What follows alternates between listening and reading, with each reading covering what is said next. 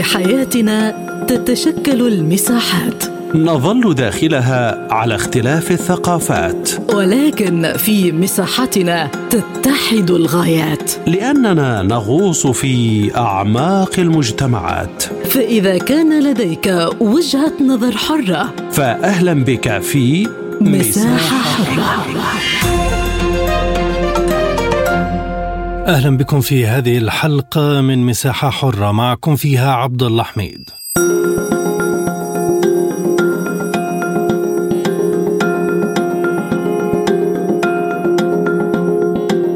علاقة تتراكم وتزيد من تطورها في مجالات الاقتصاد والسياسة في ظل تحولات دولية وتشتيت للعالم في معترك الخلاف.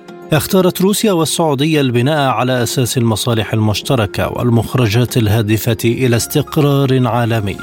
الرئيس فلاديمير بوتين بحث في اتصال هاتفي مع ولي العهد السعودي محمد بن سلمان تقوية العلاقات التجارية وتنفيذ مشروعات الاستثمار واللوجستيات والطاقة. بوتين وبن سلمان ناقشا أيضا ضمان الاستقرار في سوق الطاقة العالمية وثمن الطرفان مستوى التعاون في إطار منظمة أوبك بلس للحفاظ على التوازن بين العرض والطلب على النفط وشدد على أهمية الاتفاقات النفطية التي تم التوصل إليها في الاجتماع الوزاري بالرياض إذا نناقش في هذه الحلقة أهمية التواصل الروسي السعودي وسبل تطوير العلاقة بينهما.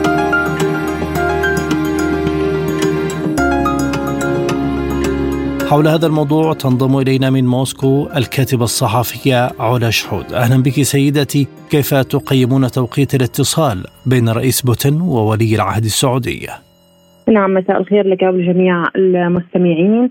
الحقيقة نشر الكرملين أن بوتين وبن سلمان أكدا خلال هذا الخلال خلال هذا الاتصال على أهمية الاتفاقات النفطية التي تم التواصل إليها آه، في الاجتماع الوزاري الذي جرى في الرياض وناقشا أيضا زيادة العلاقات التجارية وتنفيذ المشاريع في مجالات الاستثمار واللوجستيات والطاقة. الحقيقة أيضا أهمية هذا الاتصال أنه جاء حصريا بعد لقاء بن سلمان وبلينكن قبيل مغادرة بلينكن للرياض بعد مشاركته أمس بإجتماع وزراء خارجية دول مجلس التعاون الخارجي. إذا يعني الرئيسان حتى خلال العلاقات الثنائية وموضوع استقرار سوق الطاقة العالمي. أعتقد هذه أهمية كبيرة لهذا اللقاء. كما يعني أنه بالتأكيد تم بحث التطورات الإقليمية والدولية ويعني ناقشا موضوع الاستقرار في في سوق الطاقة العالمي وأيضا يعني عبر الطرفان عن سعادتهما بهذا اللقاء وبهذا النقاش للحفاظ على التوازن بين العرض والطلب على النفط.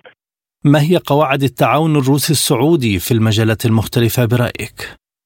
فإذا أردنا أن نتحدث عن التعاون فهناك شقين. هناك في البداية التعاون الاقتصادي كما تحدثنا في مجال الطاقة ومن المعروف أنه السعودية هي أكبر مصدر للنفط في العالم. اليوم روسيا بعد حربها مع أوكرانيا التي استمرت لحوالي سنة وأربعة أشهر عانت ما عانته من عقوبات اقتصادية غربية جسيمة ربما اليوم وضعتها في موقف محرج وصعب للغاية موقف دولي أقصد. ربما هنا تتشابك المصالح السياسية والاقتصادية مع بعضها البعض. البعض يعني السعودية آه، لم تكن طرفا ضدا ومعارضا لدولة لروسيا في هذا النزاع الأوكراني وهذا ما تسمينه روسيا بشكل كبير وخاصة أن السعودية السعودية اليوم تبرز آه، كدولة مهمة جدا على الصعيد الإقليمي والدولي ولربما آه، طرحت عدة أفكار لأن تكون السعودية دولة راعية للمفاوضات السلمية والحوار والطاولة المستديرة ما بين القيادة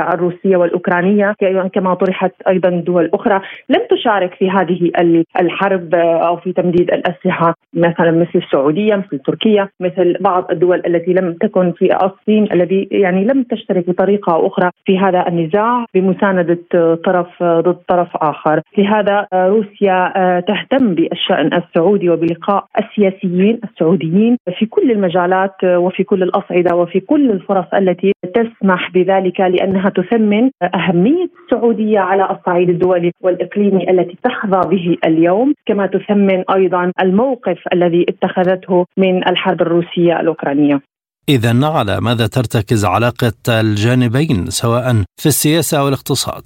حقيقة ترتكز في في الاساس على الوضع في الوضع الاقتصادي. مصالح البلدين هناك مصالح مشتركة في الوضع الاقتصادي من خلال تصدير النفط والغاز دوليا. وأيضا أريد أن أشير إنه بكل تأكيد لم تكن أمريكا سعيدة بهذا اللقاء لأنه كلما تم التقارب الدولي بين السعودية وروسيا تعتبر أمريكا إنه هذا اللقاء ند لها ومناهض لها وهذا ما لا يسعدها لأنها كما تصفها روسيا دائما دولة تبحث عن مصالحها فقط ولربما دوليا ومنذ أمد طويل آه، كان هناك تاريخ مشترك من العلاقات المشتركة الكبيرة آه، ما بين السعودية وأمريكا، ربما ترتكز في الأساس على أسعار الوقود بالنسبة للمستهلكين. الأمريكيين وليس فقط براميل النفط، يعني ولا آه، ننسى أن الأسعار انخفضت بشكل كبير منذ العام الماضي، كما أنه الاتصال بين الرئيس الروسي فلاديمير بوتين ومحمد بن سلمان هما نفسهما أشادا بالتعاون مع مجموعة أوبك بلس. وهذه هنا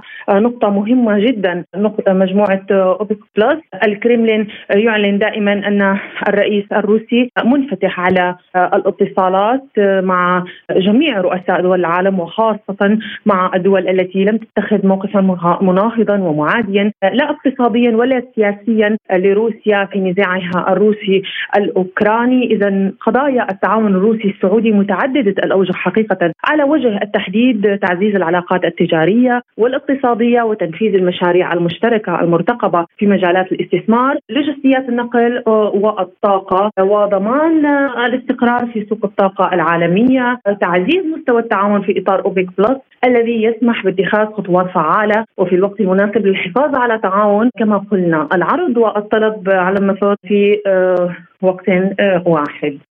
دائما تتحدث الرياض عن اتزان علاقاتها الخارجية فهل الغرب سيترك العلاقات بين الدول الكبرى والمهمه تسير بشكل طبيعي أم سيطبق قاعدة صديق عدوي عدوي هذا التواصل المستمر بين القيادة السعودية والقيادة الروسية لا يسعد الغرب وخاصة الولايات المتحدة الأمريكية، هل سوف يسمح الغرب بهذا التواصل المستمر أو لا؟ وهل سوف يسمح بهذا التعاون الاقتصادي المخطط له من قبل هذه الدول؟ أعتقد أنه لو كان بإمكانه أن يمنعها لما آه، توقف آه، عن هذا الفعل، لكن لا ننسى انه العقوبات الاقتصادية التي كانت ضد روسيا منذ بداية هذه الحرب لم تؤثر فقط على روسيا حقيقة، هي أثرت على نستطيع أن نقول على العالم بأكمله وأثرت على دول الغرب الدول الأوروبية أكثر مما أثرت على روسيا، لا ننسى ارتفاع أسعار النفط والغاز التي تضاعفت في الدول الأوروبية وأصبحت اليوم. الدول الأوروبية تعاني من أزمة اقتصادية تبحث عن بدائل للنفط والغاز الروسي وتتجه الأنظار إلى دول مثل السعودية، الجزائر، الهند، هذه الدول التي دول آسيوية ودول عربيه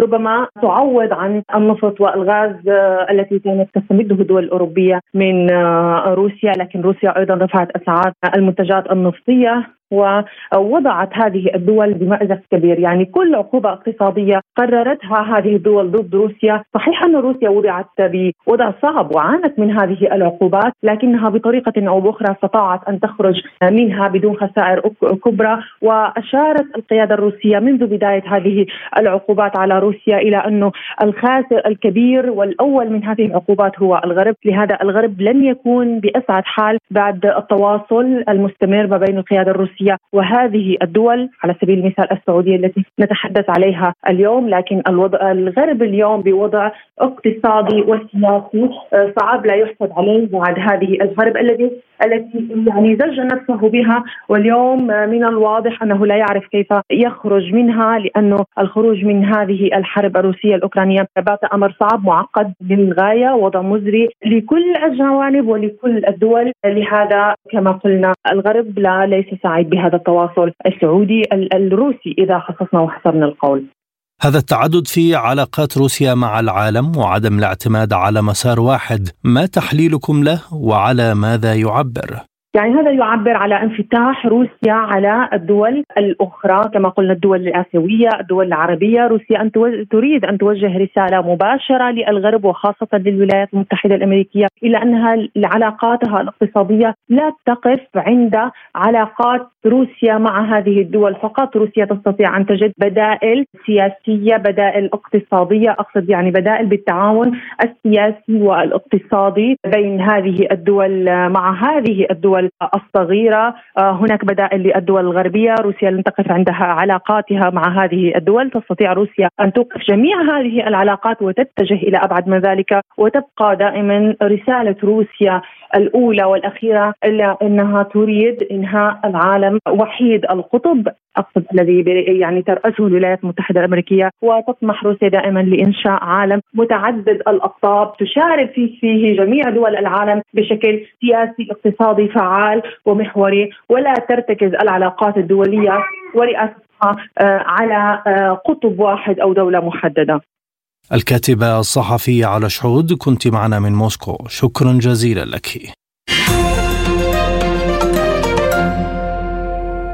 من الرياض حول هذا الموضوع أيضا ينضم إلينا المهندس محمد القباني الكاتب في الشأن الاقتصادي.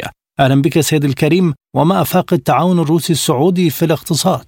بلا شك أن الدور السعودي في استقرار الأسواق هو مهم جدا ويحتاج إلى التعاون مع أكبر المصدرين المنتجين للطاقة كروسيا.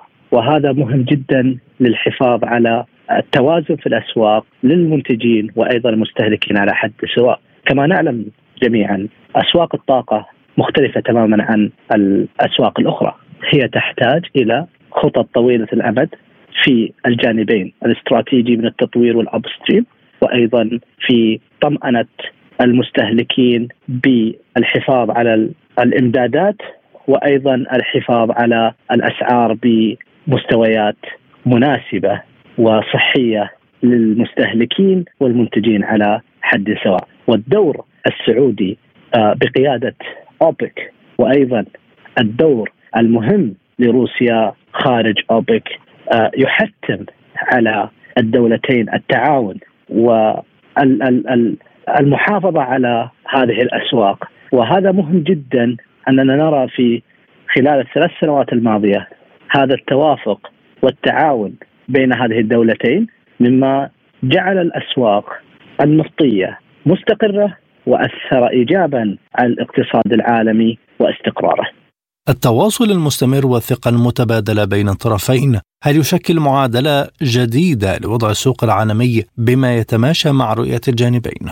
هي ما يعول عليه الاقتصاد العالمي وأيضا بشكل اخص وأدق أسواق الطاقة واقتصاد الاقتصاد النفطي، لأن هذه الثقة وهذا التعاون لم يأتي صدفة ولم يأتي في وقت قصير، رأينا أن خلال الثلاث سنوات الماضية وفي أعمق وأصعب الفترات التي مرت في أسواق النفط حافظ عليها هو الثقة بين الدولتين وظهرت نتائجها على السطح وخارج الاجتماعات في الكوميتمنت وأيضا الالتزام في تطبيق الاستراتيجيات والتعاون حتى وإن اختلفت بشكل أو آخر مع المصالح الشخصية. ولكن اتفقوا الدولتين في الثلاث سنوات الماضية على أن يجعلون المصلحة العامة والاقتصاد دائما قبل المصلحة الخاصة.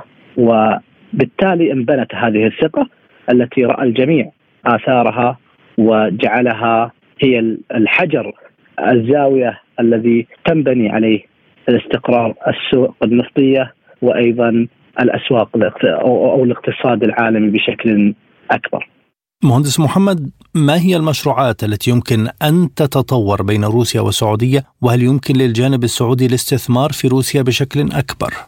قد يكون الاستثمار بشكل مباشر يعتمد إلى أكثر من عوامل وقرارات أخرى خارج هذا الإطار. ولكن أعتقد أن الاستثمار الأهم هو الاستثمار في التعاون بين البلدين. هو دعم استراتيجيات والاقتصاد العالمي من خلال التوافق بين البلدين. وبالتالي مرة أخرى أعتقد أن المش أعتقد أن التعاون بين البلدين أصبح أكبر بكثير من محيط الدولتين، أصبحوا يتعاونون على الاستثمار في الاقتصاد العالمي والاستثمار في الاقتصاد النفطي بشكل خاص، وبالتالي قد يكون هنالك تعاون في المستقبل بين البلدين بشكل مباشر ولكن أعتقد أنه سوف يكون آه، تأثيره محدود مقارنة بتأثير التعاون والاستثمار بين البلدين في في استقرار الاقتصاد النفطي وبالتالي الاقتصاد العالمي.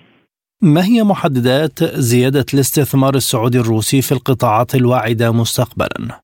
أعتقد أن الآن المملكة العربية السعودية لديها مشاريع مهمة جدا وطموحة تخدم رؤية المملكة 2030 وبلا شك أن الخبرات الروسية مهمة جدا وترغب المملكة العربية السعودية بالاستفادة منها وبالتالي بلا شك أن هنالك مجال كبير خارج أسواق النفط والطاقة تستطيع ان أن تتعاون المملكة وروسيا فيها. الرئيس بوتين بحث مع الأمير محمد بن سلمان ضمان الاستقرار في سوق الطاقة. كيف يساهم هذا التعاون بين أكبر مصدرين للنفط في العالم في استقرار السوق؟ هي حجر الأساس، إذا ما أردنا معرفة حجم تأثير هذا التصريح أو هذا التعاون لنا أن نتخيل إذا ما كان إذا لم يكن هنالك تعاون بين هذه البلدين كما ذكرت أكبر مصدرين للطاقة في العالم أو للنفط في العالم. لو لم يكن هنالك تعاون وتفاهم بين المملكة العربية السعودية وروسيا على أكبر مستوى كما ذكرت بين الرئيس الروسي وأيضا سمو ولي العهد السعودي لرأينا انهيار كامل في صناعة النفط ومن ذلك البتروكيميكالز ومن بعد ذلك تلاها تلوها الاقتصاد العالمي بشكل أكبر وبالتالي أعتقد أن دور هذا وتأثير هذا التصريح ليس فقط على أسواق النفط بكل تأكيد هذا هذا مؤكد أنه سوف يدعم استقرارها وعندما يسمع هذا التصريح من أكبر مستوى في هذه الدولتين ولكن هو يتجاوز حد أو مستوى فقط حدود أو مستوى فقط اسواق النفط. هل هناك رؤية معينة لسوق النفط بين موسكو والرياض لمزيد من الاستقرار في السوق؟ بلا شك 100% إذا إذا لم لو لم يكن استقرار الاسواق هي ديدا هذه العلاقة لرأينا هنالك تذبذبات حادة لما فيه اختلاف في الاستراتيجيات في أسواق الطاقة بين المملكة العربية السعودية وروسيا. ولكن نرى انها على أكبر مستويات تم الاتفاق على أن يكون المصلحة العامة للعالم اليوم أهم بكثير من المصلحة الخاصة لكل دولة.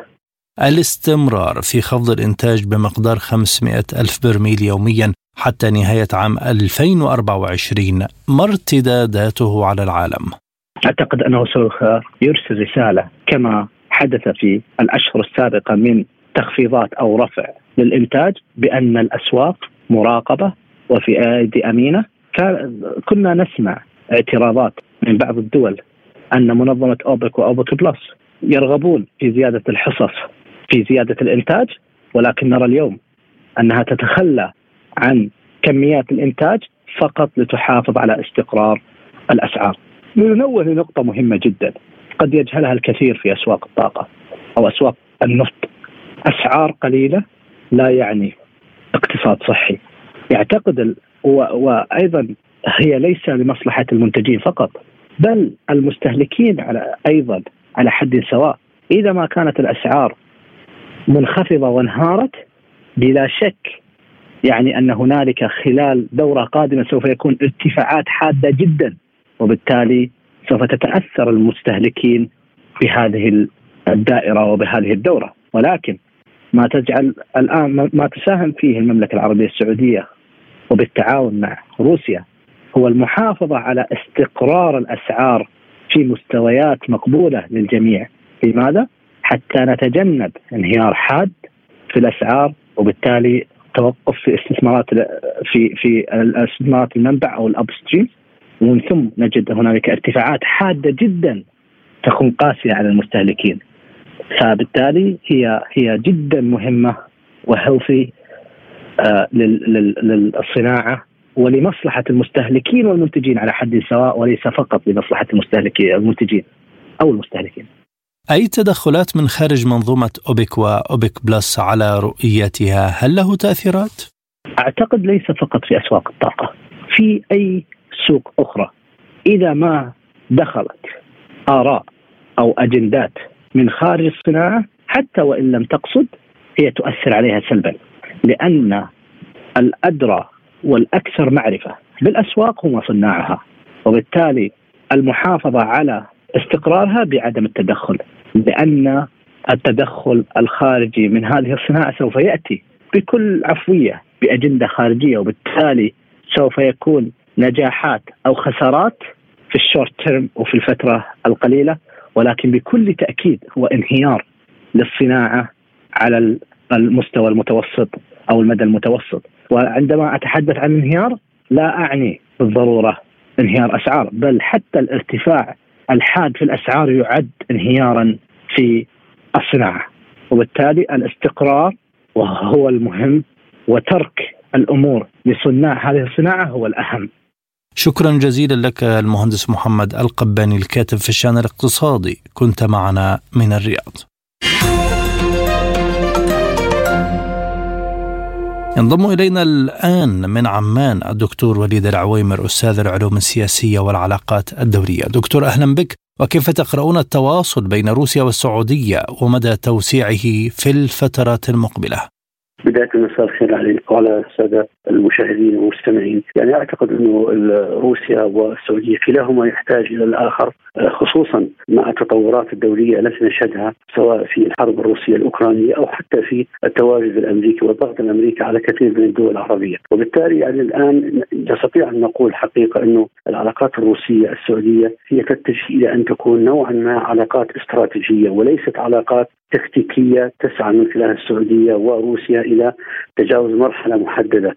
وبالتالي هناك يعني آه، اتفاقيات وهناك رؤية لدى كلا البلدين لبناء تحالف استراتيجي في مجالات اقتصادية ومجالات تجارية ومجالات أمنية عسكرية وبالإضافة للسياسية. وبالتالي يعني هذا اللقاء حقيقة ما بين ولي العهد السعودي والرئيس بوتين يدخل في يعني إطار محاولة وضع آه، النقاط على الحروف فيما يتعلق بالمرحلة المقبلة للتعاون الاستراتيجي بين الطرفين وخصوصا أن كلاهما يشعر أنه نوعا ما يواجه ضغط وضغط كبير جدا خصوصا روسيا من قبل الولايات المتحدة الأمريكية ودول أوروبا الغربية.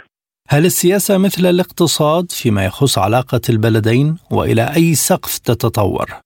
نعم لا شك وسيكون المدخل حقيقي لتطوير العلاقات السياسية هو الاقتصاد خصوصا إنه يعني كلا الطرفين هو عضو في منظمة أوبك والتي ساعدت حقيقة في رفع الموجودات المالية لكلاهما بعد تخفيض أسعار أو بعد تخفيض إنتاج النفط مما أدى لزيادة أسعاره. وبالتالي المدخل الرئيسي لأن كلاهما سوف يستفيد اقتصاديا وبالتالي سوف يتم البناء على هذه العلاقات الاقتصادية لعلاقات سياسية استراتيجية مستقبلية. وخصوصا أن السعودية حقيقة الملاحظ الآن أنها تحاول أن تتحرر نوعا ما من التحالف التقليدي مع الولايات المتحدة الأمريكية ودول أوروبا الغربية. هذا الحقيقة خصوصا أمريكا الذي يعني أثبت من خلال الوقائع التاريخية أنه لا يعتمد عليه في كثير من المواقف الدولية خاصة في المنطقة العربية ولاحظ المملكة العربية السعودية في ملف إيران وفي في موضوع اليمن. حقيقة وكيف الولايات المتحدة الأمريكية تخلت نوعا ما عن السعودية وأمن الخليج وبالتالي تشعر السعودية أنها الآن بحاجة حقيقة أن توسع علاقاتها الاستراتيجية مع روسيا وحلفاء جدد أيضا الصين لأنها وجدت أن الولايات المتحدة الأمريكية حقيقة يعني حليف لا يمكن الركون إليه بشكل كامل وبالتالي سيكون مدخل هذه العلاقات الاستراتيجية ما بين روسيا والسعودية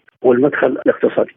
أهمية تأكيد الطرفان الروسي والسعودي على مسألة التعاون في إطار منظمة أوبك بلس.